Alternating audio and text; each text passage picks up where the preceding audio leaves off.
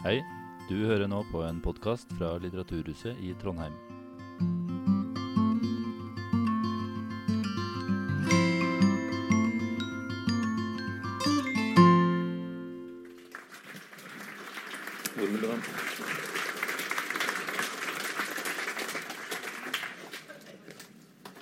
Ja, det er jo Dag som skal få applausen. Han kan jo vente litt. Velkommen til denne kvelden med Dag Hessen, som skal altså snakke om hva er livet, og hvor kommer det fra. Dag er en slags gjenganger her på huset, har blitt, og det har sine grunner. Og det er fantastisk å se så mye folk igjen. Og det har også sine grunner. Sånn at eh, Jeg skal også si bitte litt om den serien som det her inngår i, som reklame. Eh, etter påske blir det noe da. Sverre Loddgaard, Ukraina, bakgrunn og framtidsutsikter. Linn Skåber og Helene Uri sammen mens vi venter på noe godt. Det er den eh, over den stykkernes i Oslo som er en parafrase over 'Mens vi venter på Godot'. Og så kommer Marte Antonette Solli og skal snakke om gutter mot verden. Det er altså gutter som er det vanskelige i verden, og det er i ferd med å bli et, et, et, en stor sak. Kanskje blir det et par svisker til utover våren, i alle fall til høsten. Jeg, jeg sier ikke mer. Eh, kveldens foredrag skal altså handle om, som det står i programmet, om sitat, 'universets mest spektakulære oppfinnelse', som er undertittelen til Dag Hestens siste bok, 'Liv'. Hvordan kunne livet oppstå av det nesten ubegripelige tilfeldighetsbildet som førte til at det ble liv nettopp på jorda? Like tilfeldig som at en tornado skulle passere en søppelplass med alle komponenter til en Boeing 747 og ende opp med et funksjonelt fly, som astronomen Fred Hoyle sa det.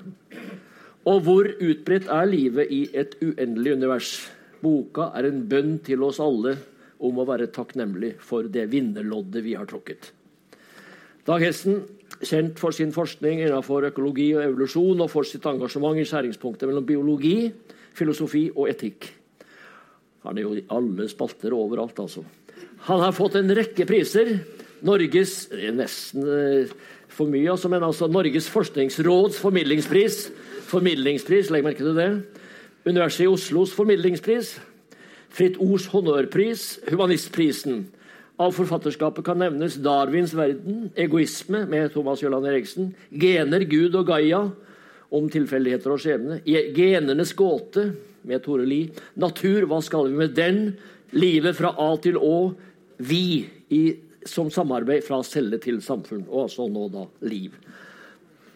Det, det er ikke lite, det der. Holder det, ja. Ja, ja, ja, ja. Du er hjertelig velkommen, og uh, ordet ditt. ja.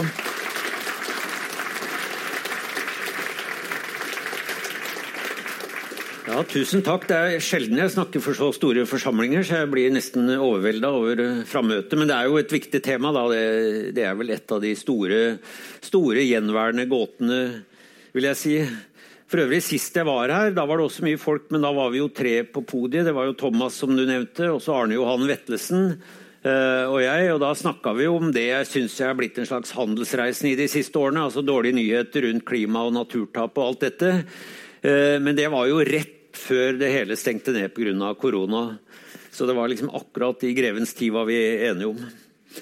Eh, Men dette er jo et mer oppbyggelig tema da, på alle måter. Livet og hvordan det har blitt til.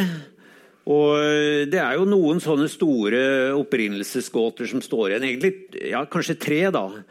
Eh, Den ene er jo den suverent største. Det er universets opprinnelse. Jeg tror Der kommer på en måte vår hjerne til kort. Vi kan beskrive dette på en måte matematisk og metaforisk, og alle kjenner Big Bang og alt dette. Men det at uendelig masse var eh, samlet i et uendelig lite punkt, og likevel et eller annet trigga det og ga opphav til universet, som eh, ekspanderer kanskje til evig tid, kanskje ikke, det vet vi ikke. Hva er evig? Eh, det er jo mildt sagt uforståelig. Også dette hva kom foran det første. Vi er jo vant til at alt har en årsakssammenheng. Så det er jo eh, det erkjenner jeg at der er jo et, et felt hvor selv naturvitenskapene ikke kommer helt i mål. Eh, Den andre store opprinnelsesgåten det er eh, livets opprinnelse. Altså Biologien kan jo forklare, etter Darwin, vil jeg si, eh, og med stadig større presisjon hvordan livet har utviklet seg. Jeg kommer litt inn på det også, men fra den første funksjonelle celle eksisterte. Men derfra og, og fram til oss, da, hvis vi skal tenke at vi er det viktigste resultatet av dette, så kan jo alt forklares med eh, evolusjonær logikk. Og etter hvert så har vi tetta hullene ganske godt der, så vi har fått innsikt i hvordan også dette fungerer eh, genetisk. Eh, men så er jo spørsmålet da, jo ok, men noe kom jo før den første cellen. Og dette noe er ikke trivielt. Hvordan kunne den første funksjonelle cellen oppstå? Og det er jeg også med på å innrømme at det er ikke noe spørsmål som er lett å forklare, og kanskje får vi aldri det eksakte svaret. Men mye av poenget med boka her, det er jo å sannsynliggjøre at uh, dette uh, er også et ledd som så veldig mye annet av små trinn, akkurat som evolusjonen har vært. Og det du refererte til, altså Fred Hoyle, som var en fabelaktig astrofysiker og hadde veldig mange geniale innsikter, men han gikk seg litt vill når det gjaldt evolusjon. Fordi han brukte dette bildet med at en tornado skulle feie over en søppelplass og tilfeldigvis eh, eh danne en eh, funksjonell eh, jumbojet. Som et bilde på hvor håpløst det umulige den tanken var at livet kunne ha oppstått gjennom naturlige prosesser. Han trodde ikke noe på det. da. Han mente at eh, noe måtte ha skapt livet.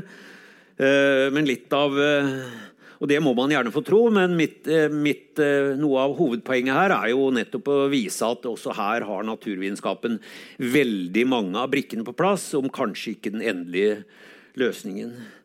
Og så er jo da et siste siktemål, eh, og ikke minst et viktig siktemål, det er jo å få fram at det er jo noe nesten uforståelig ved dette. og Nesten magisk, men jeg understreker nesten, og nesten mirakuløst. Men er også fortsatt nesten dette at dette mangfoldet har oppstått. Bare det å reflektere over at vi, alle som sitter her, i likhet med bakteriene under skosålene våre og alt annet vi måtte se av levende eller ikke se, jo, har en felles opprinnelse som går 3,5 milliard år tilbake, og at hver og en av oss er foreløpig siste trinn av en ubrutt rekke av liv eh, som strekker seg hele veien tilbake. Altså, Hvor usannsynlig er ikke det? Eh, statistisk er det helt usannsynlig. Bare at jeg ble født, som Jan Erik Vold skrev 'Sorry, brødre, det ble meg'. Altså at akkurat, akkurat eh, kjønnscellene traff hverandre sånn at det ble oss, er jo smått mirakuløst. Men for at det skulle til, så måtte jo det samme ha skjedd med våre foreldre og besteforeldre. Og i talløse slektsledd, 300 000 år, så lenge det har vært Homo sapiens uh, her. Og før det så må det jo ha vært likedan eh, til vi nøster hele veien bak til denne diffuse, ukjente urskjellen, eller hva vi skal kalle det, som var eh, eh, tror vi i hvert fall i dag, felles opphav til alt liv som finnes nå. Og Det er en god del grunner til å tro nettopp at det er sånn, som jeg skal komme tilbake til. Så, og Dette er jo også temaer som jeg jobber en del med sjøl og har vært veldig opptatt av. Jeg jobba en del med evolusjon av genomet, som jo eh, på en måte henger tett eh, sammen med dette. Så eh, for de som enten har lest boka eller har lyst til å lese den Det var bare så det sagt, det var ikke jeg som insisterte på at det skulle være boksalg her, men når det først er, så er det jo hyggelig. Men det er jo klart det er deler av dette som er vanskelig å, forklare, og også vanskelig å forstå, selvfølgelig. Og jeg husker når Dagbladet anmeldte denne boka, det var en god anmeldelse, og en, en, en, fin anmeldelse, men de skrev også, eller anmelderen skrev at dette er ikke en bok for Gud og hvermann. Uh, som jeg tenker var fin. Jeg ble veldig glad når jeg så det. Det er selvfølgelig åpenbart ikke en bok for Gud, men uh, jeg tror nok egentlig det er en bok for hvermann, fordi at hvis man anstrenger seg lite grann, Eh, så vil man forstå dette. Meste av det er lett tilgjengelig og greit, men det er klart når man begynner å komme inn i hvordan eh, nukleinsyrene kan ha oppstått eh, gjennom byggesteinene, så kan man ikke forklare dette på noen veldig triviell måte. Det, det, må liksom bores litt i det. Men samtidig tror jeg det at hvis man først tar seg jobben med å trenge litt inn i det, så får man betalt for det. Altså, kjennetegnet på en god populærvitenskapelig bok er jo at man skal føle seg smartere, eller smart rett og slett, etter å ha lest den. Uh, og det blir man ikke uten at man har anstrengt seg litt. Grann. Altså, en av mine inspiratorer når det gjelder å skrive, det er uh, biologen Richard Dawkins. og Han husker jeg sa en gang han var i Norge her, at 'never underestimate your audience'. Og det tror jeg er riktig. Jeg tror de fleste liker å, å bli prøvd litt og testa litt. og uh, anstrenge seg litt for å forstå det. Selv om det er en evig kamp med forleggere sant, som sier at nei, dette må du ta ut, og dette må du ta ut, dette vil ikke folk forstå. Uh, men litt uh, anstrengelse har man ikke vondt, med, vondt av. Ja, jeg leder også et senter for biogeokjemi i antropocen. så Vanligvis så snakker jeg jo om ting som har med klima, og karbonsyklus og verdens elendighet å gjøre. Selv om jeg understreker alltid at verden vil klare seg, menneskeheten også. Men dette er et tverrfaglig senter hvor vi jobber eh, med alt fra atmosfæremodeller Vi har to IPCC-forfattere om bord og fysiske prosesser i atmosfæren. Eh, til geologer som jobber med permafrosttidning og alt dette for å forstå karbonkretsløpet. Kjemikere og biologer. Eh, så det er mye av det jeg jobber med i det daglig. Da. Men så er jeg også, som alle biologer, selvfølgelig opptatt av biologisk mangfold og naturtap. Eh, også fordi selvfølgelig at eh, tapt natur eh, er ikke bare en fattigere verden, men det er også sånn at natur tar jo opp halvparten av våre CO2-utslipp. Så uten en natur som gjør denne enorme økosystemtjenesten for oss, så hadde vi virkelig vært mye verre ute når det gjaldt klimaendringer.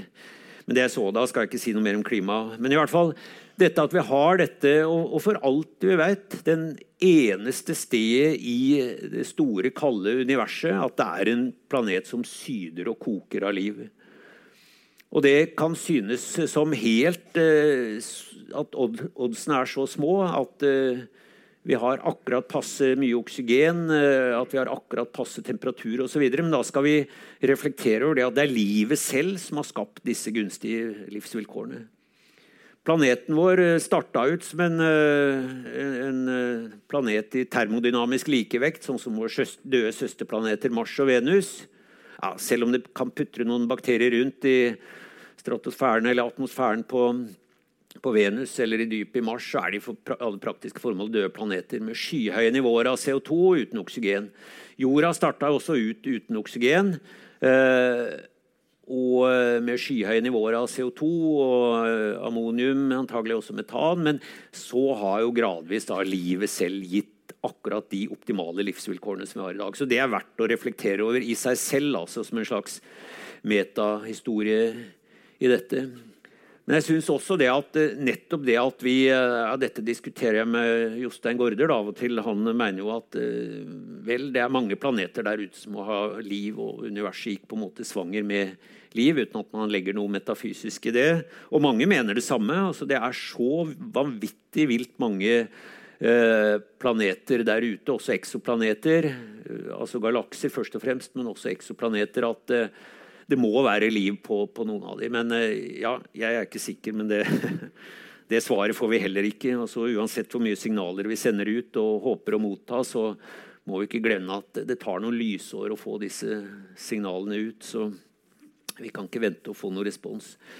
Men i hvert fall det at eh, vi i hvert fall her da vet at vi besitter eh, noe så sjelden som en, en planet som ikke bare syder av de mest ufattelige og vidunderlige livsformene, men som også da huser en organisme som er i stand til å fange alt dette i sin egen hjerne, gjør jo at vi skylder å ta vare på denne planeten både for mangfoldets skyld og Eh, og også menneskets eh, skyld. Så det ligger en slags, eh, en slags ærefrykt for liv, om jeg vil bruke et sånt ord, også som et viktig motiv for at jeg skrev denne boka, som jeg har holdt på med i mange år.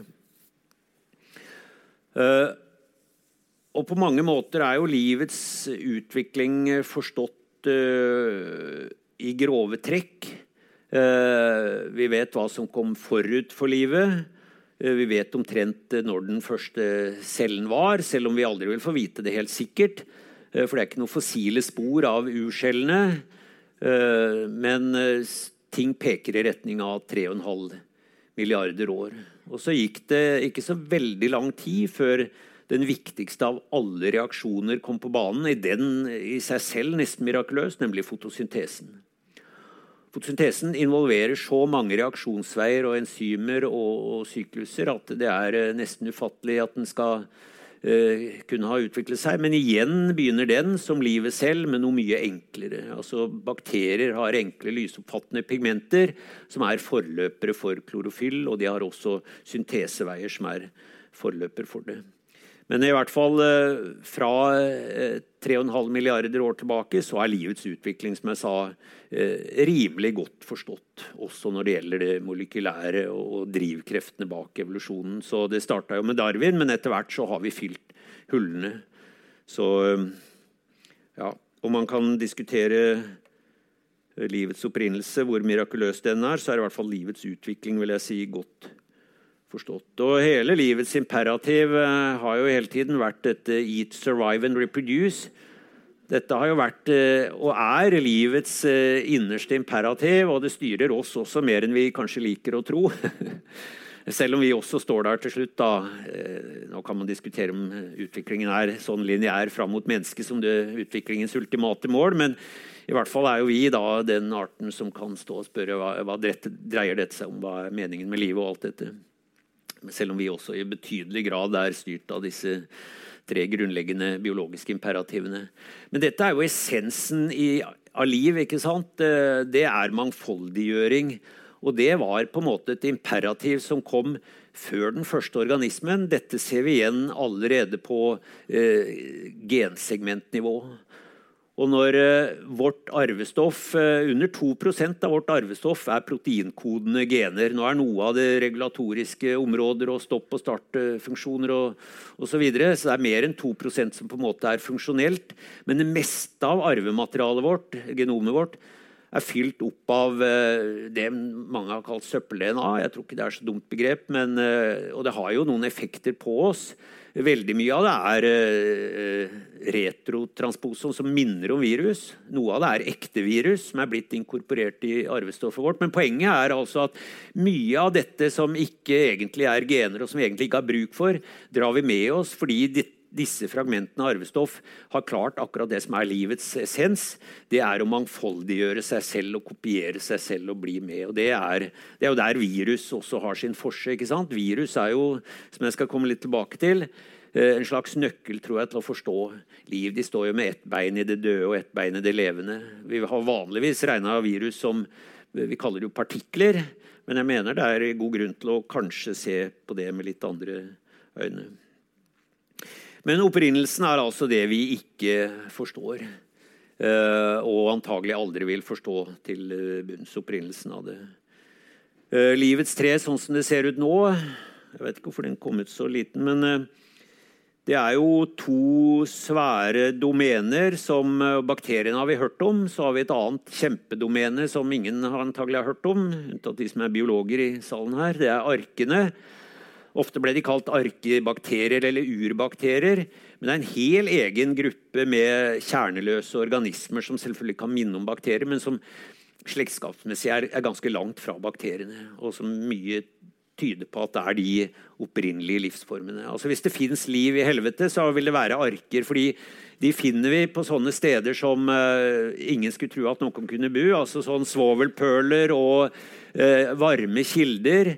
Og de kan leve av stort sett hva som helst av uorganisk materiale. Det er mange bakterier som kan gjøre det også, av ekte bakterier, men disse arkene er altså spesialister. og og vi finner de fortsatt i steder som minner om den sånn som jorda må ha vært når den var ung. Altså Den første geologiske episoden, eller perioden i jordas historie heter jo Hadea, som betyr helvete.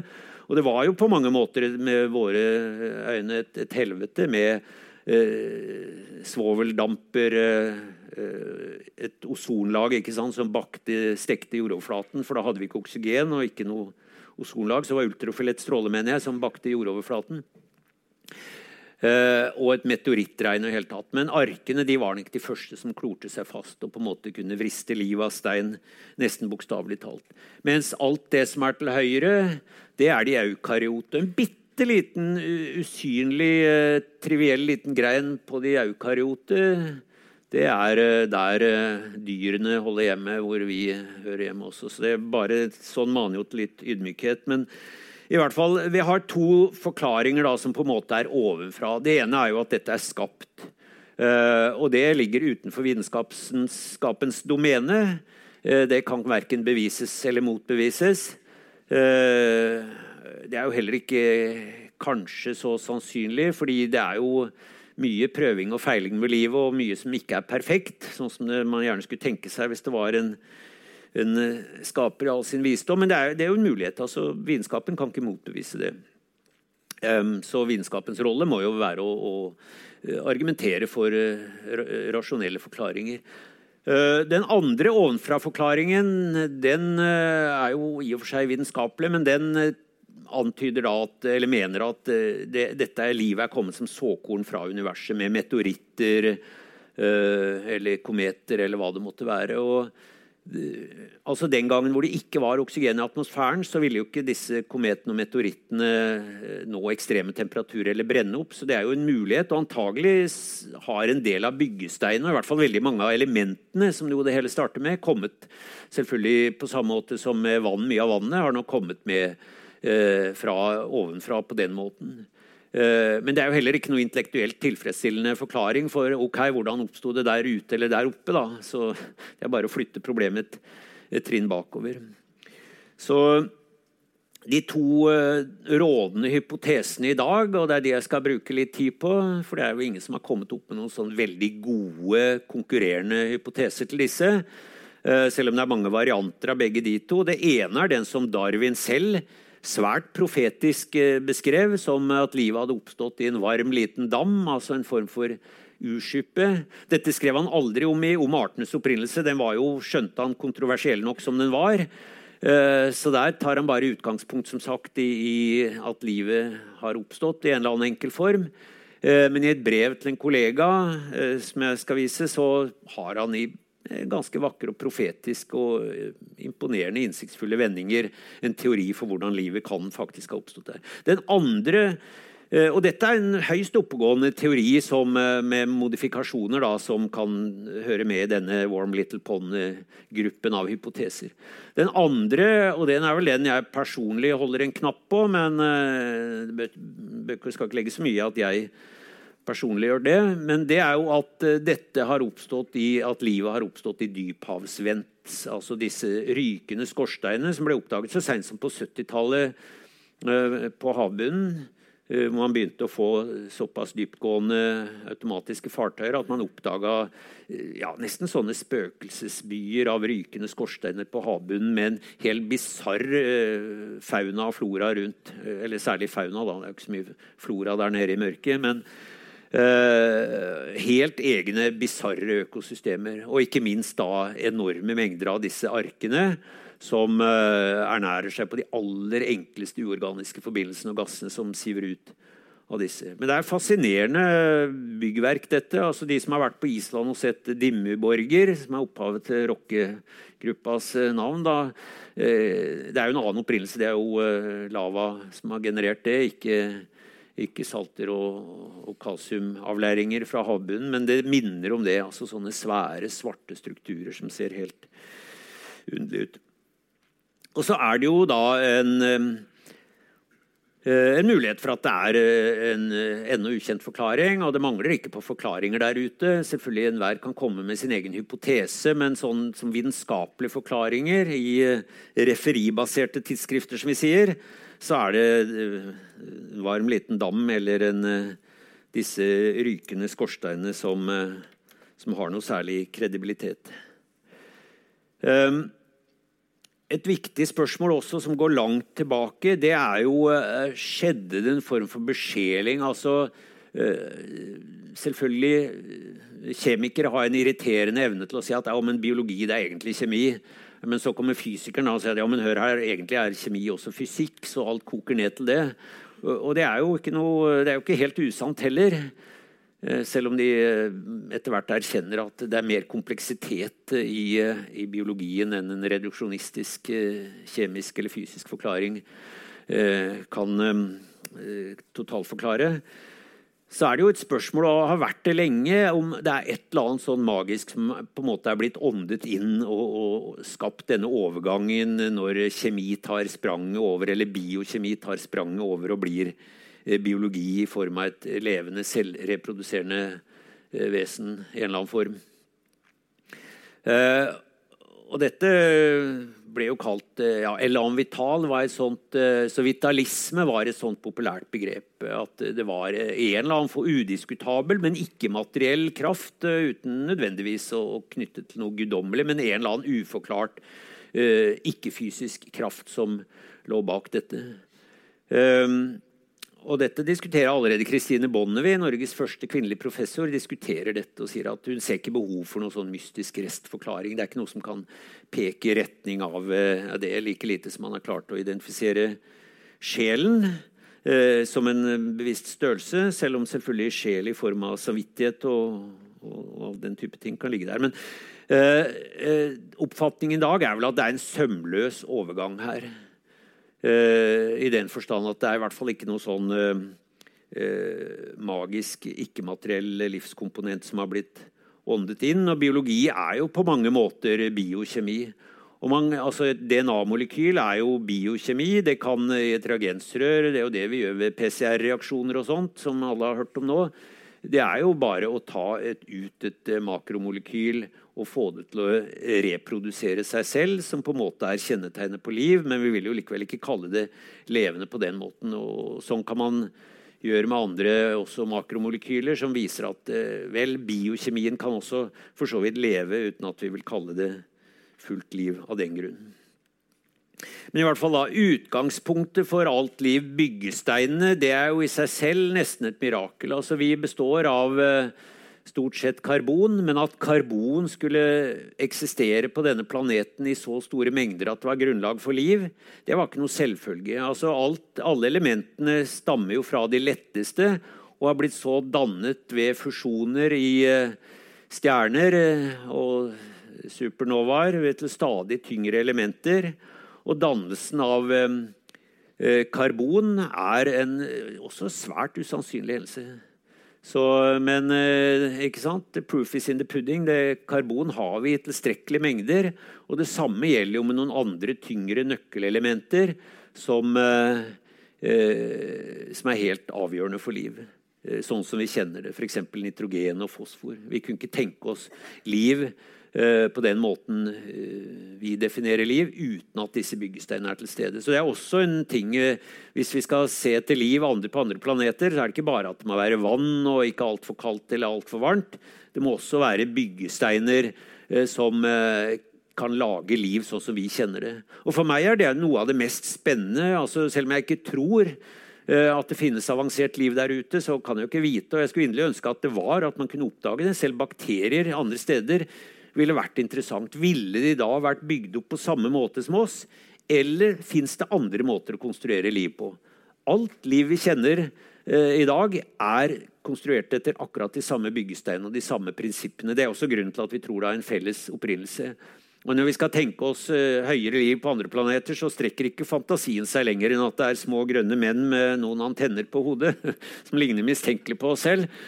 Eh, men det kan jo hende at det var noe helt annet. At de hadde bytta ut karbon med silikat eller Men uh, i hvert fall liv som vi kjenner det, krever akkurat disse elementene. Og dannelsen av de elementene er som sagt også et sjansespill av dimensjoner. Men de er her på samme måte som vi er her, selv om vi også er siste ledd i en i og for seg usannsynlig rekke av tilfeldigheter som gjør at denne livstråden Eh, aldri har blitt brutt. Mange har jo blitt brutt, men akkurat der vi er det siste ledd, den har ikke blitt brutt. Så som sagt, livet består av mange elementer, og ikke hele det periodiske system, men en god del av det. Og tilfeldig, vil jeg tro, så er mange av de essensielle gruppert, eh, de som er ringa inn opp til høyre der. Altså karbon, nitrogen, eh, fosfor, for så vidt også svovel. Eh, silisium er viktig for eh, noen, og, eh, men i hvert fall karbon, nitrogen og fosfor er essensielt for livet.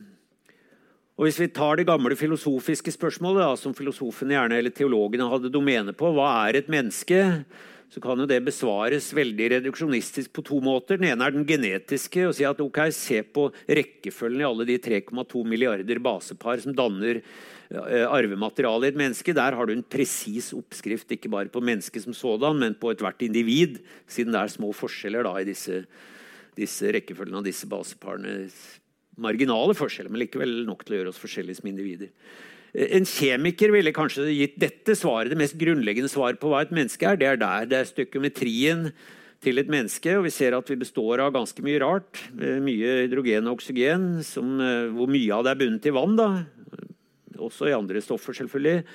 Men så kommer karbon, nitrogen, kalsium, fosfor og svovel som eh, natrium, kalium som magnesium som eh, nøkkelelementer. Og igjen, uten at disse er til stede, for dette gjelder jo ikke bare mennesker, dette gjelder jo i prinsippet uh, alt liv. Trærne har litt andre sammensetninger, men mye av de samme elementene. Så ville ikke livet ha eksistert, i hvert fall ikke på den måten som, um, som vi uh, kjenner det.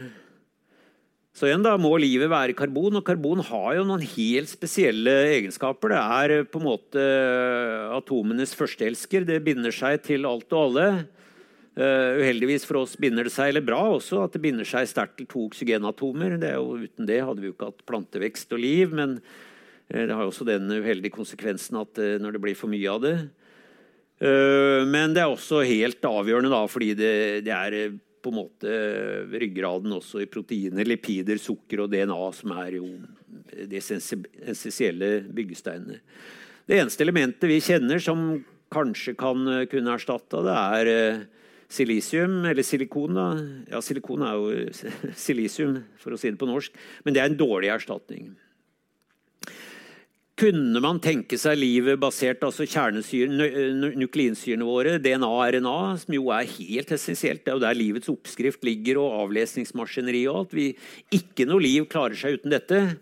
Noen virus har jo bare RNA, men det er likevel også bygd opp av fosfor i disse spiralene. Eh, nei, vi kjenner ingen livsformer eh, per dato som eh, har klart seg uten fosfor i byggesteinene. Jeg skal komme til et eksempel hvor man trodde man hadde funnet det, men som viste seg å være en Ja, det var opp som en løve og ned som en fell. Så er det jo også noen sånne fellestrekk. Altså, ja, liv kan ernære seg på absolutt alt mellom himmel og jord. I hvert fall når man kommer til eh, bakterier, så er det ingen grenser for hva bakterier kan leve av. Eh, av stein og gasser og salter og eh, giftige stoffer og plastikk og olje og you name it. Men alt er basert på elektrontransport, så prinsippet her for å danne energi, ATP, gjennom energitransport Der kommer jo også fosfor inn da, som en universell energileverandør det er akkurat det samme. Så energi og måten energi dannes på, er felles for alt liv sånn som vi kjenner det. Og igjen peker det på at eh, livet ble funnet opp én gang basert på noen helt grunnleggende eh, prinsipper. Så igjen da, vi, Fantasien vår strekker seg ikke til å se for oss liv som ikke er basert på redoksreaksjoner og elektrontransport. Eh, selv om det kan være mange substrater som gir opphav for dette. Men det hadde vært ekstremt stilig om det, man fant liv på andre planeter som faktisk hadde løst dette på måter som ikke vår fantasi hadde, var i stand til å, å se. Så eh, til de som trodde de hadde funnet eh, noe annet, da, og det var Lake Mona, som er en eh, fascinerende innsjø i seg selv. Den ligger langt inne i ørkenstrøkene i California, er en sånn saltsjø eh, med noen bisarre kalkeformasjoner. Eh, ekstremt høyt saltnivå. Og eh, også viste det seg noen svært spesielle bakteriegrupper der. Så For noen år siden så var NASA på banen. Det var trommevirvler i forkant og en stor pressekonferanse. og NASA skulle lansere at de for første gang i historien hadde påvist en prinsipielt helt annen form for liv. Nemlig som klarte å danne nukleinsyrer, altså arvestoff, uten fosfor.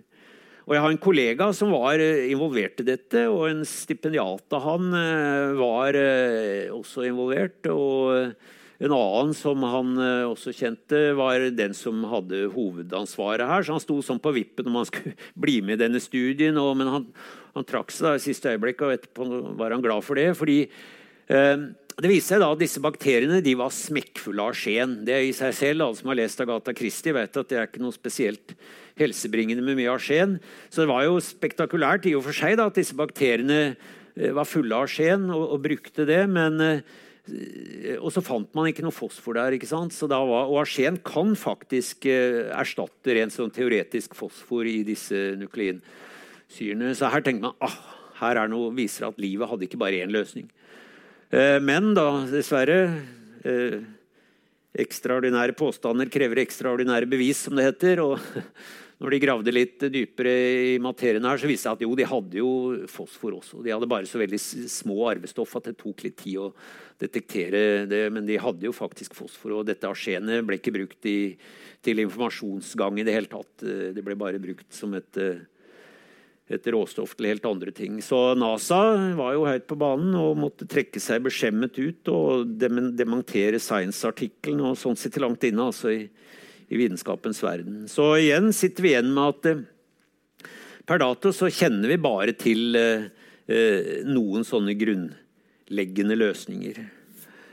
Ja, Dette har jeg for så vidt sagt, men igjen er det verdt synes jeg, å minne om dette og være takknemlig for det, men også tenke over det at når livet synes å være så, eller denne planeten synes å være så mirakuløst tilpassa liv, så er det fordi livet har eh, lagd det sånn. Ikke minst da gjennom fotosyntesen, som gradvis trakk CO2 ut eh, og gjorde temperaturen levelig her.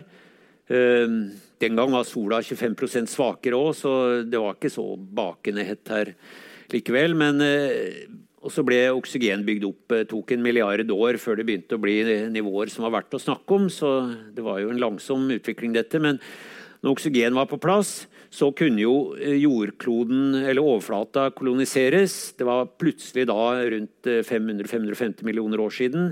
Så eksploderer jo på en måte livet i mange bisarre og nye og mer avanserte livsformer. For da hadde vi oksygen. Og da ble også eh, det nok oksygen i stratosfæren til at vi kunne få denne solbrillen, ozonlaget, som beskytter oss mot ultrafiolett lys. Men jeg syns alltid det er en sånn ja, denne erkjennelsen at livet har generert stadig nye livsformer, og også lagd dette, også nå stabiliserer på en måte dette. Uh, som gjør at uh, gassammensetningen har ligget temmelig stabilt så lenge det har vært høyere liv her. Det er verdt å reflektere over. I hvert fall inntil én livsform, da, som betrakter seg selv som den høyeste av alle livsformen, har begynt å rote med dette. Man ville kanskje tenke at det å, å definere liv er veldig enkelt, fordi vi, vi, kjenner jo liv når vi ser det. ikke sant? Det er, det er, ikke noe tvil om at en stein er død, og at en fugl som flyr opp, er levende. Uh, og vi vet også når et levende indivisen, individ faller til jorda og er dødt. Så man skulle tro at det var veldig enkelt å definere det, men det er ikke det. altså... Det er ofte sånn at det som man tror er enklest, ikke er det når man begynner å skal gi en presis definisjon. Så det som kjennetegner liv, tenker jeg, en svært viktig ting, er jo at livet jobber jo mot termodynamikken.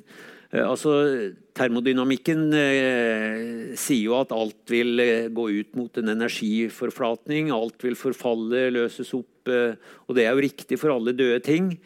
Men livet klarer det motsatte. Og Grunnen til at livet gjør det, er jo at vi har tilgang på energi. Først og fremst solenergi, men også eh, for de formene, livsformene som lever av eh, geologisk eller kjemisk energi, så, så, er det jo den typen energi. Så det er, det er, fordi at livet bruker da denne energien til å skape struktur og orden og sine egne former for energi. Det er eh, ikke noe annet som kan gjøre.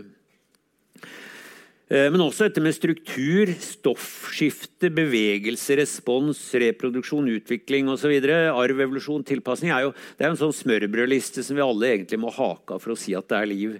En bil, f.eks., og i hvert fall en sånn uh, selvkjørende Tesla, vil jo kunne kvittere ut på mange av disse punktene. Den har form og fasong, den har metabolisme og bevegelse. Den har riktignok ikke, ikke egen reproduksjon, men uh, den har respons også, så den kan kvittere ut på på veldig mye av dette. Og eh, ja, de smarteste robotene som vi nå begynner å se eh, konsekvensene eller konturene av, rettere sagt, som er basert på eh, kunstig intelligens, eh, og som da i prinsippet kan syntetisere enda smartere versjoner av seg selv uten inngripen fra oss, vil jo da også eh, kanskje med unntak av metabolisme, skjønt de må jo også ha en energitilførsel på et eller annet vis, kunne haka for alle, alle kjennetegnene ved, ved, liv. Og så er det dette som sagt at eh, det er ofte diffuse overganger øh, mellom liv og ikke-liv.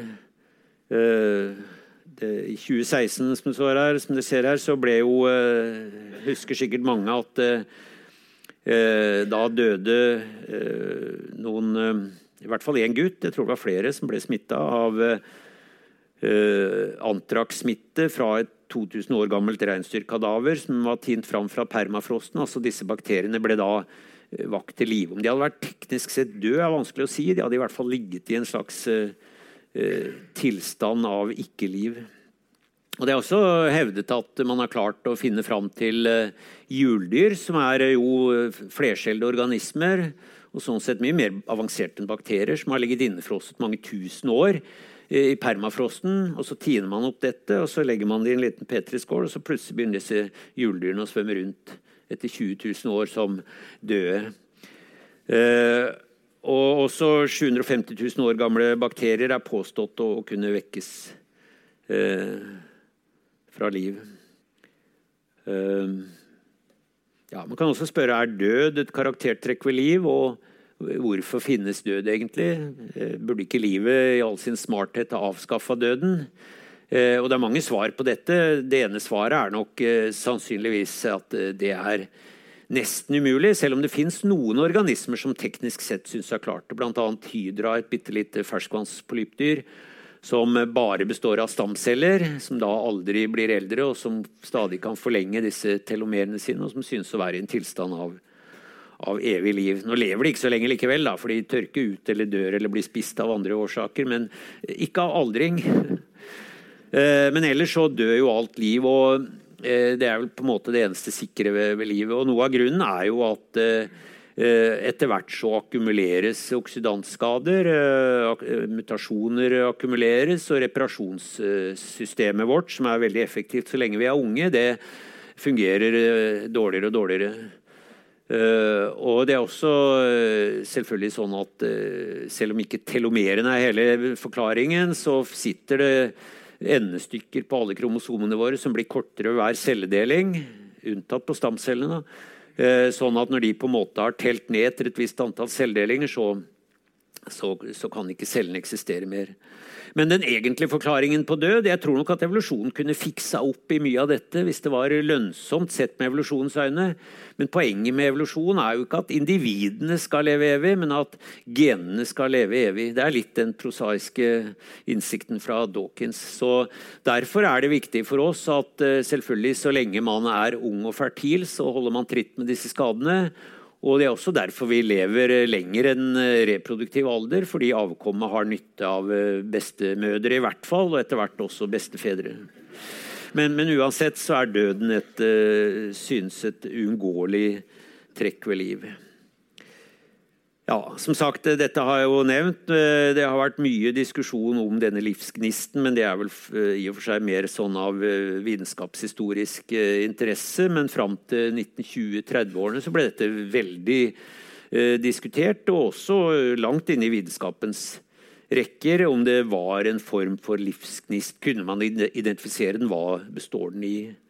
Mens Kristine Bonnevie, da, som bygget jeg sitter i til daglig på Blindern, biologihuset, biologibygget, eh, og Norges første kvinnelige professor. Eh, hun var tidlig ute der og skrev da i sin bok i 1929 eller sitt hefte at det var ingen grunn til å søke etter noen sånn livsgnist. Dette kunne forklares mekanistisk. Eh, spesielt selvfølgelig nå da, så er det jo skjedd en, rimeligvis en økende interesse for virus. Men jeg begynte å skrive på denne boka og hadde skrevet ferdig kapittel om virus før. Det ble veldig opportunt å, å, skrive om det. Men eh, jeg tenker at på mange måter så er mye av forståelsen til hva liv er eller ikke er, det kan kobles til virus. Som sagt, altså Virus eh, defineres ikke som liv, ut fra, selv om de er etter alle kriterier de mest suksessfulle Vi kan ikke kalle de organismer, da, men enhetene her på denne planeten. For de fyller jo opp ikke bare Eh, oss selv og vårt arvestoff, men de gjør det hos alle organismer. Havene er fulle av virus, plantene er fulle av virus, jorda er full av virus. Alt er fullt av virus. Eh, ikke nødvendigvis virus som gjør oss så veldig syke, men eh, virus er egentlig ikke noe annet enn egoistiske gener eller en pakke dårlige nyheter, som en sa, i en proteinkappe. Eh, men de har hatt en enorm suksess. Men de, de, har altså ikke evnen til å reprodusere seg selv. Men det kan jo bare være en smart tilpasning, for det de gjør, er jo å eh, pode eh, RNA eller DNA-et sitt inn på vårt. Og så utnytte vårt eh, avlesningsmaskineri. Så det er jo på en måte den ultimate smarte parasitt. Det er jo sånn andre parasitter gjør det også, at man snylter på en, en vert, bare at virusene gjør dette til fullkommenhet. Og Det finnes også store, avanserte virus som har arvemateriale nesten på nivå med bakterier. Om de sekundært har tilpasset seg dette, eller om dette er rester av det som er forløperen til virus, det veit man ikke. For det er jo to muligheter her.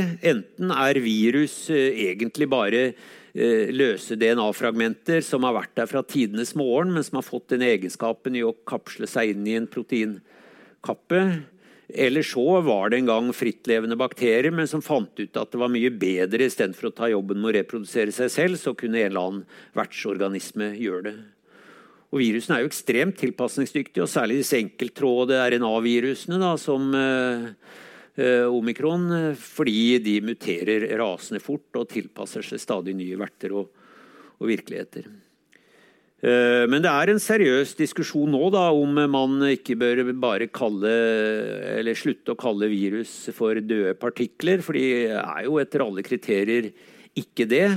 Eh, men eh, heller kalle de et eget domene av livet og kalle de da de kapsidkodene. Kapsiden er jo denne proteinkappa. Eh, det er også sånn at virus, eh, veldig mange virus, og særlig mange av disse sykdomsvirusene, bruker jo RNA. og Man regner med at RNA er den opprinnelige formen for arvestoff. At RNA kom før DNA. Og som jeg også sa, Det er jo også en annen ting med virus, og det er jo dette at eh, det ligner til forveksling på mye av det som fyller opp arvestoffet vårt som ofte kalles eh, transposoner eller jumping genes. Eh, altså genfragmenter som kan hoppe rundt, som mangfoldiggjør seg, som utgjør en enorm mengde av, eh, av arvestoffet vårt, og som etter alle kriterier minner om RNA-virus.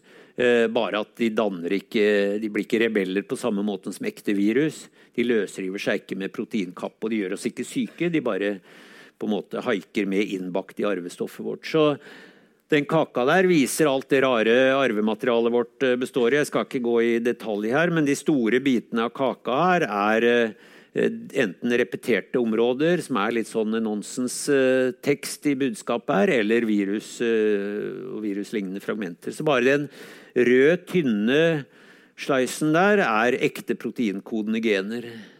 Så igjen viser denne tette forbindelsen mellom det som fyller opp arvestoffet til de fleste organismer, og, og ekte virus. Det er, eh, ja, dette kunne jeg sagt veldig mye mer om. Det er jo uhyre fascinerende, så jeg mener at virus eh, Kanskje drøyt å si at de fortjener respekt, men de har i hvert fall lykkes her i verden på en måte som er helt uh, uten sidestykke. Ja. Uh, de første som uh, For å zoome mer inn da, på hvordan livet faktisk kan ha oppstått. Så et svært eh, berømt eksperiment som sikkert mange har hørt om og kjenner til, eh, ble jo gjort av Harold Uris smarte student Miller, som kom til Uri, som var en person som da jobbet med geokjemiske spørsmål, bl.a. strålingsbalansen på jordkloden.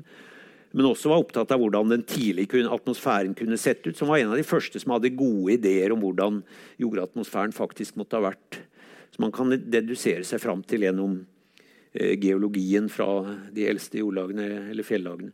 Men i hvert fall det de gjorde, og Millers berømte eksperiment var han satte opp eh, noen kolber, fylte de med gasser av den typen som han eh, antok var dominerende på den unge planeten. Reduserende gasser, ammonium Ja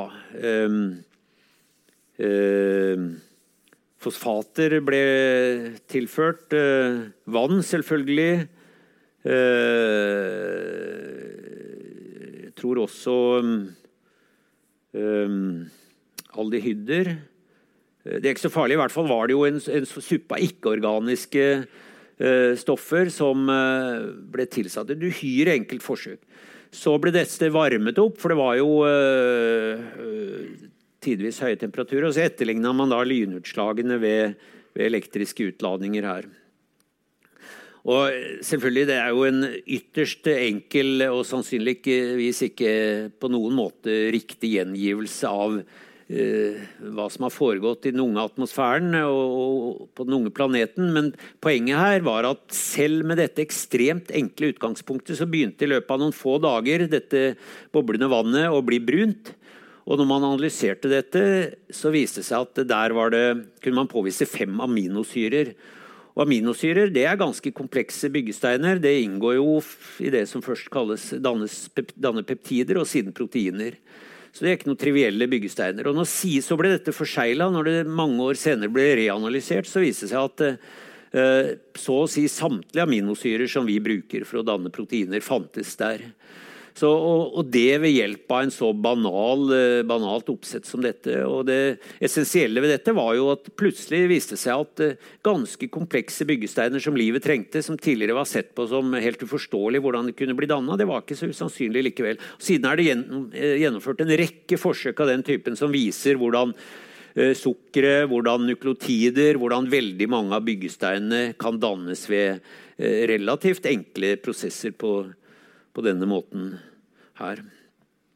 Så Jeg skal ikke gå i tall på alle de, men det er altså veldig mange av de essensielle byggesteinene skal til. Men derfra er det selvfølgelig fortsatt et ganske langt sprang til den funksjonelle cellen. For det er jo kanskje hovedproblemet her. Det er dette med samtidighetens problem.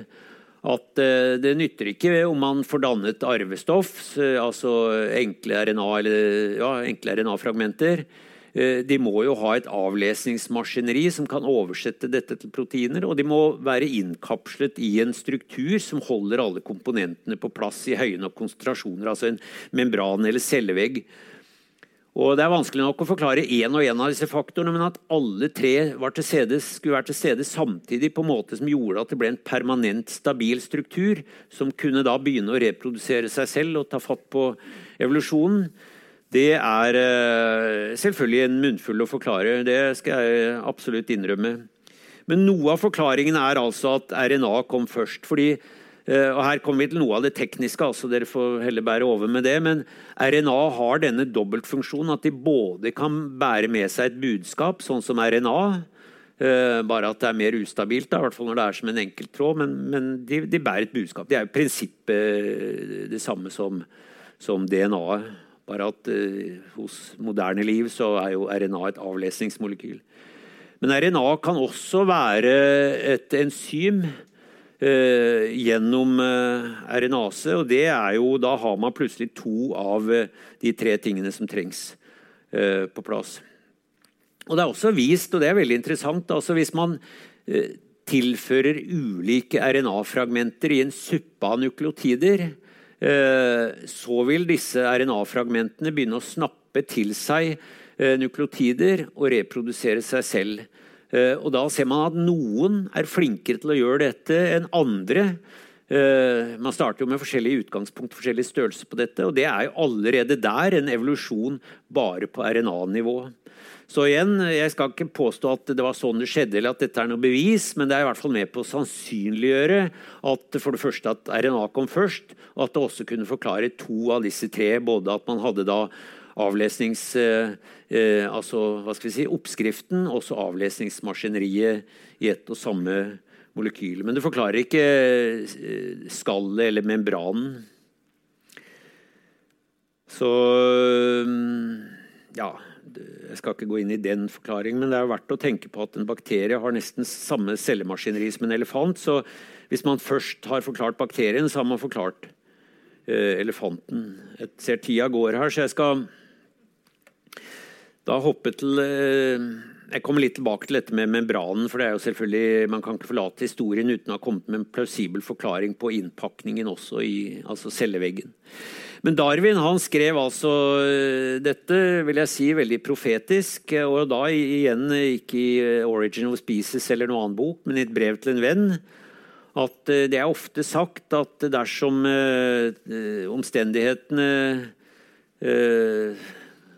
var til stede så kunne man se for seg en varm, liten dam med alle typer sorter av ammonia og fosforsalter, ammonium, lys, varme, elektrisitet osv. At det var tilstrekkelig til å danne en eh, proteinforbindelse, og som så kunne inngå i stadig mer komplekse reaksjoner. Um, så um, det var jo på mange måter dette, denne teorien til Darwin som inspirerte dette Miller-Urey-eksperimentet. Og Darwins eh, teori er fulgt opp eh, i mange sammenhenger. Her er bare en av de som eh, etterprøver dette da, med vitenskapelige metoder og finner at på en måte alle trinnene som skal til i en sånn prosess, de kan logisk ha foregått. Det betyr ikke at de har foregått, men at de kan kan ha foregått. Så dette er en levende og oppegående teori. Men vi kan gå til den andre teorien, da, som er eh, etter mitt skjønn den mest, mest sannsynlige, nemlig at livet oppsto som sagt i disse dyphavsventene. Også fordi at den kan forklare eh, samtidighetens problem ved at de byr på en forklaring på hvordan membranen har oppstått. RNA var nok fortsatt først. Men i disse ventene som sagt, så er det jo noen bisarre økosystemer av enorme børstemarker og spesielle bakterier og reker som spiser på disse, og et helt eh, lite økosystem som ikke ligner på noe annet, men det hele er generert ikke av solenergi, men av termisk energi og kjemisk energi fra eh, dyphavet. Eh, og som sagt, det, det finnes etter hvert oppdaga mange av disse. Det er to hovedtyper. Det er black eh, smokers og white smokers. Og det er vel særlig disse white smokers som synes å by på eh, livsforhold som eh, eh, kan minne om både den tidlige jorda, og også fordi at eh, her nede er det ofte anoksiske forhold. Det kan være, i hvert fall. Eh, og mange som sagt, av de arkene som uh, fins her fortsatt, lever på de aller enkleste elementene på en måte som uh, man godt kan se for seg har vært til stede ved, uh, ved livets begynnelse. Og så er det en annen ting da, som gjør disse ventene spesielt interessante. og Det er at de er fulle av bitte, bitte små mikroskopiske hulrom. Og Det er her da den eh, mulige og egentlig ganske plausible forklaringen på eh, membranen har kommet inn. Inni disse bitte små hulrommene så kan det for det første oppkonsentreres tilstrekkelige mengder av eh, kjernesyrer, eller eh, i hvert fall nukleotider. Også, eh, også aminosyrer. Og ikke minst da fettstoffer. Og disse fettstoffene kan da legge seg i disse, inni disse hullrommene organiserer seg da som eh, membraner gjerne gjør, i, i, i sånne polare lipider med, eh, med en ganske stabil eh, fettholdig membranstruktur. Og da har du alle tre komponentene på plass. Og igjen, da Vi vil aldri få vite det, men vi må huske på at det har vært noen hundre millioner år til prøving og feiling. Og sannsynligvis også perioder hvor det har vært eh, forløpere for liv som så har gått i oppløsning igjen. Og sannsynligvis har det vært et byttelån av tidlige genfragmenter mellom disse første forløperne for liv. Eh, men til slutt da, så har det eksistert eh, en stabil form som trolig minner om de arkebakteriene vi fortsatt har i dag. Nå har jo arkebakteriene også utvikla seg, selvfølgelig, men vi har fortsatt livsformer da som tilsvarer, som fyller kriteriene da for, eh, som kan kvittere ut for eh, alle former for eh, kriterier som det tidlige livet må ha hatt. Og Det neste store trinnet som sagt, da, det var uh, det var jo fotosyntesen. Da var livet etablert. Eh, men eh, selvfølgelig utviklingen av fotosyntesen. altså Mange av disse reaksjonsveiene er jo i seg selv ikke trivielle. Så jeg mener ikke at alle svar fins i den første funksjonelle celle fins.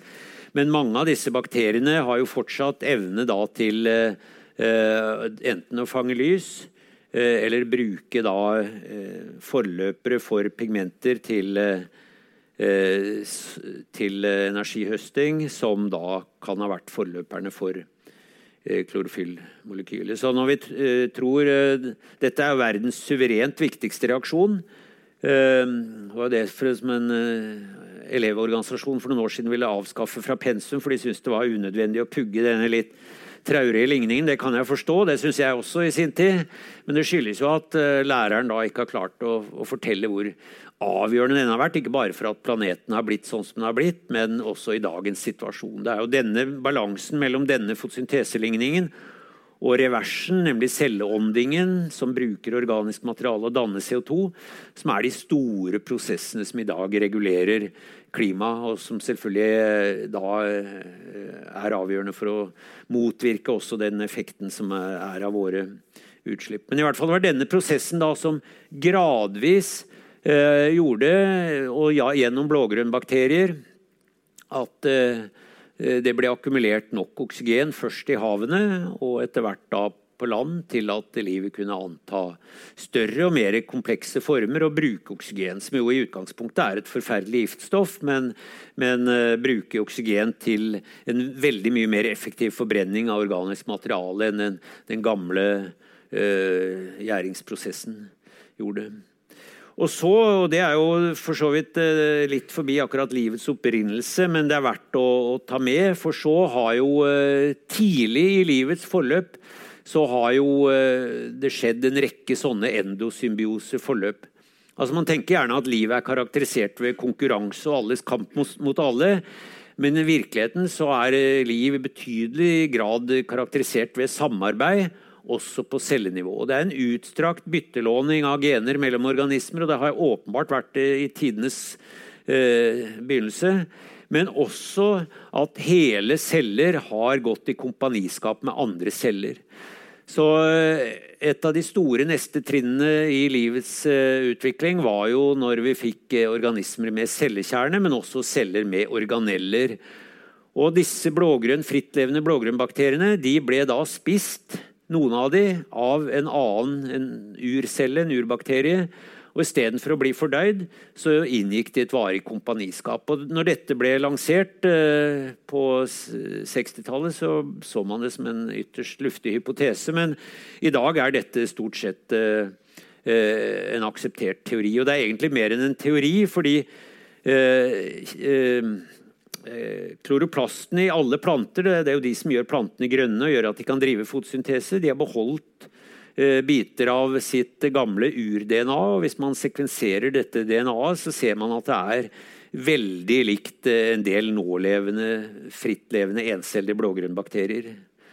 Som ofte kalles blågrønnalger også, men som har den evnen til fotosyntese. Så veldig tidlig i livets forløp så skjedde denne symbiosen som var helt avgjørende, og som var veien til hele planteriket. Og eh, Tilsvarende så skjedde en annen symbiose ved at en bakterie som kunne drive da celleånding, eh, inngikk i tilsvarende kompaniskap og blir det som eh, vi i dag kjenner som mitokondriene i cellene, som alle avanserte organismer har. Planter har det også. Planter gjør begge deler. De kan både drive fotosyntese og celleånding med respirasjon.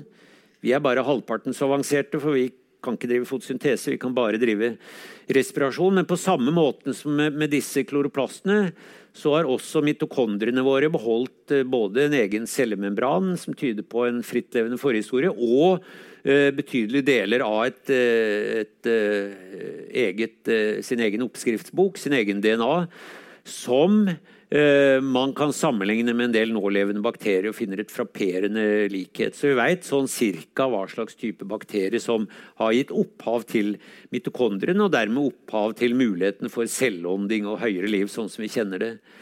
Så Siden har det vært mange sånne etter hvert. Som man da sekvenserer alle disse organellene, så har man nøsta opp en serie med sånne eh, symbioser og eh, dobbel- og trippelsymbioser hvor organismer har spist hverandre. At dette har vært en viktig del av en ganske rask spredning av liv i en tidlig fase, er helt åpenbart. Altså, soppene har jo sin egen historie i dette.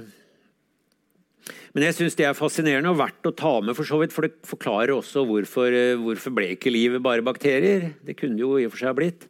Og Bakteriene er her jo fortsatt og dominerer sammen med virusene, så det er jo ikke det at de ikke har vært vellykka.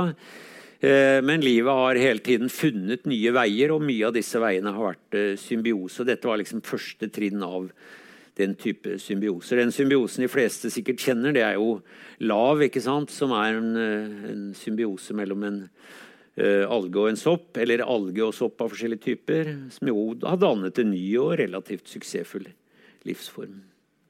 Ja, Gassammensetningen på planeten uh, har kanskje utviklet seg sånn. Det fins en del uh, måter å bestemme det på, men det viktige er jo at uh, CO2 ble trukket ned, og så ble oksygenet mye høyere. En stund var det veldig høyt. Var helt oppe i 35% som var veldig ustabilt. Men i hele den moderne historie har oksygen ligget på et akkurat passe nivå. En av de første strukturene som eksisterte, var disse kolonidannende blågrønnalgene. Første litt større strukturer, som er kolonier av blågrønnbakterier. Og man finner fossile spor av disse som er tre milliarder år gamle. Og det fins strukturer som er helt eh, identiske, ser det ut som, med disse, som fortsatt er i live. Ikke de samme, da, men livsformen eksisterer. Jeg har en kollega som jobber med sånne stromatolitter, som det heter, i i noen bisarre saltvannssjøer i ørkenen i Mexico, som er kliss like det man antar var uh, viktige produsenter av, av oksygenet først. Så summer, Spiller vi en film over livets utvikling, så ville det meste av filmen vært dørgende kjedelig. Det ville bare vært noe usynlig greier som putra rundt uh, dypt nede i havet.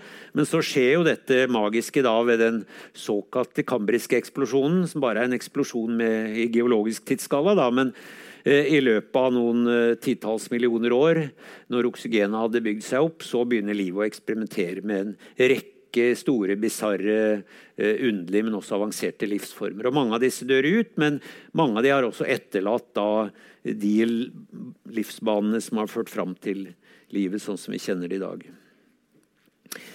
Ja, øh, når oksygenet var på sitt høyeste, så hadde det også den perioden vi hadde sånne monsterinsekter med vingespenn på 70 cm hos øyenstikker og tusenbein som var en meter osv. For de fikk på en måte kraftfôr gjennom ekstra mye oksygen. Ja, Veldig kort da om veien videre. ikke sant? Vi forsto liksom hvordan livet fungerte. Eh, og Det var i to trinn. Det ene var den ikoniske oppdagelsen av DNA-molekylet. Men det som egentlig var enda viktigere, var neste trinn. Forståelsen hvordan dette DNA-molekylet ble avlest av søstermolekylet RNA.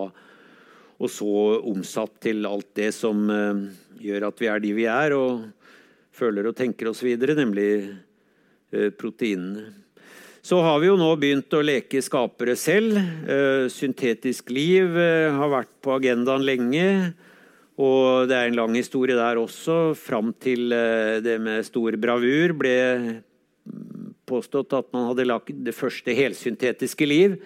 Som er en sannhet med modifikasjoner. Da. Det er litt sånn eh, Man har tatt eksisterende legoklosser og så har man satt de sammen på en ny måte. Men det er klart, Og i et eksisterende membransystem eh, fra en bakterie, eller innenfor en eksisterende cellevegg. Men det er klart, det kan jo nå skreddersys organismer, som, og særlig bakterier, som kan produsere alt mellom himmel og jord. så å si. Dette har vi hatt nytte av lenge. Jo, det er mange år siden vi begynte å bruke eh, kolibakterier til å produsere humant insulin ved å sette genet for eh, insulinproduksjon fra oss inn i en kolibakterie. og Da leser jo cellemaskineriet den eh, til bakterien instruksjonene som ligger i vår, vårt insulingen, og lager det for oss. Men eh, det nye nå er at vi kan egentlig skreddersy dette helt fra tegnebrettet av. Så spørsmålet er jo snakker vi om nytt liv, eller blir det litt som en ny motor i en gammel bil? Det kan jo diskuteres, eh, men det er klart vi kan, eh, kan jo nå skreddersy livsformer på en annen måte. og noen syns det er fantastisk, og noen syns at uh, dette blir å tukle med livet. Uh, jeg mener vel at det er en fantastisk mulighet på mange måter. Uh, som vi bør bruke, men selvfølgelig med en betydelig føre var, og i offentlig regulert regi. Det er vel kanskje noe av det viktigste. Det må ikke være de kommersielle kreftene som får slippe dette løs.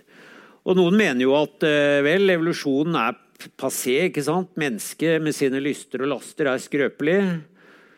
Eh, ånden er villig, men kjødet er skrøpelig. Ånden er også ofte skrøpelig, og vi eh, steller dårlig med denne planeten. Vi kunne vært snillere med hverandre, og i hele tatt, eh, vi lider av sykdommer. Og ikke minst det forsmedelige at vi blir gamle og dør, ønsker mange å gjøre noe med, og, og ser da for seg her en slags sammensmelting av menneske og maskin, men også her bruk av særlig denne CRISPR-teknologien og nye varianter av den, som kan skreddersy dette, og også kanskje da bruke eh, eh, Bruke da stamcellenes unike evne, som Hydra har klart, tydeligvis, til fornyelse og sånn sett skape eh, evig liv. Så dette er jo noe av det som eh, transhumanistene, noen av de i hvert fall, sysler med. At eh, nå må vi selv overta og skape liv.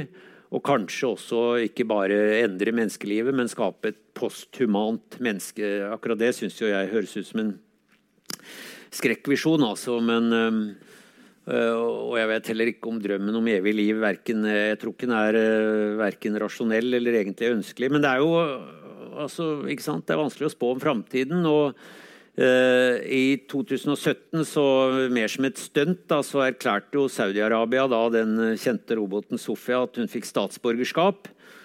Og når hun fikk vite det, så sa hun at hun var veldig beæret og stolt over den unike utmerkelsen. så, og etter hvert, da, som jeg begynte med å si, at uh, denne utviklingen går sin gang, så er det vanskelig å spå uh, eksakt uh, hvor dette vil havne. Bortsett fra at min spådom er nok at eh, jeg tror ikke dette tar av. Jeg tror det vil være mennesker her uh, om 100 000 år som har omtrent de samme lyster og laster som vi har innenfor rammene selvfølgelig av en annen teknologi. Men jeg får avslutte da, med å si at uh, akkurat når det gjelder i andre enden, da, som var egentlig det vi skulle snakke om, og der det begynte, Eh, vi vil aldri få vite eksakt hvordan livet begynte. Og det er eh, muligheter for eh, å putte sin egen personlige teori eller en guddommelig forklaring inn i det. det.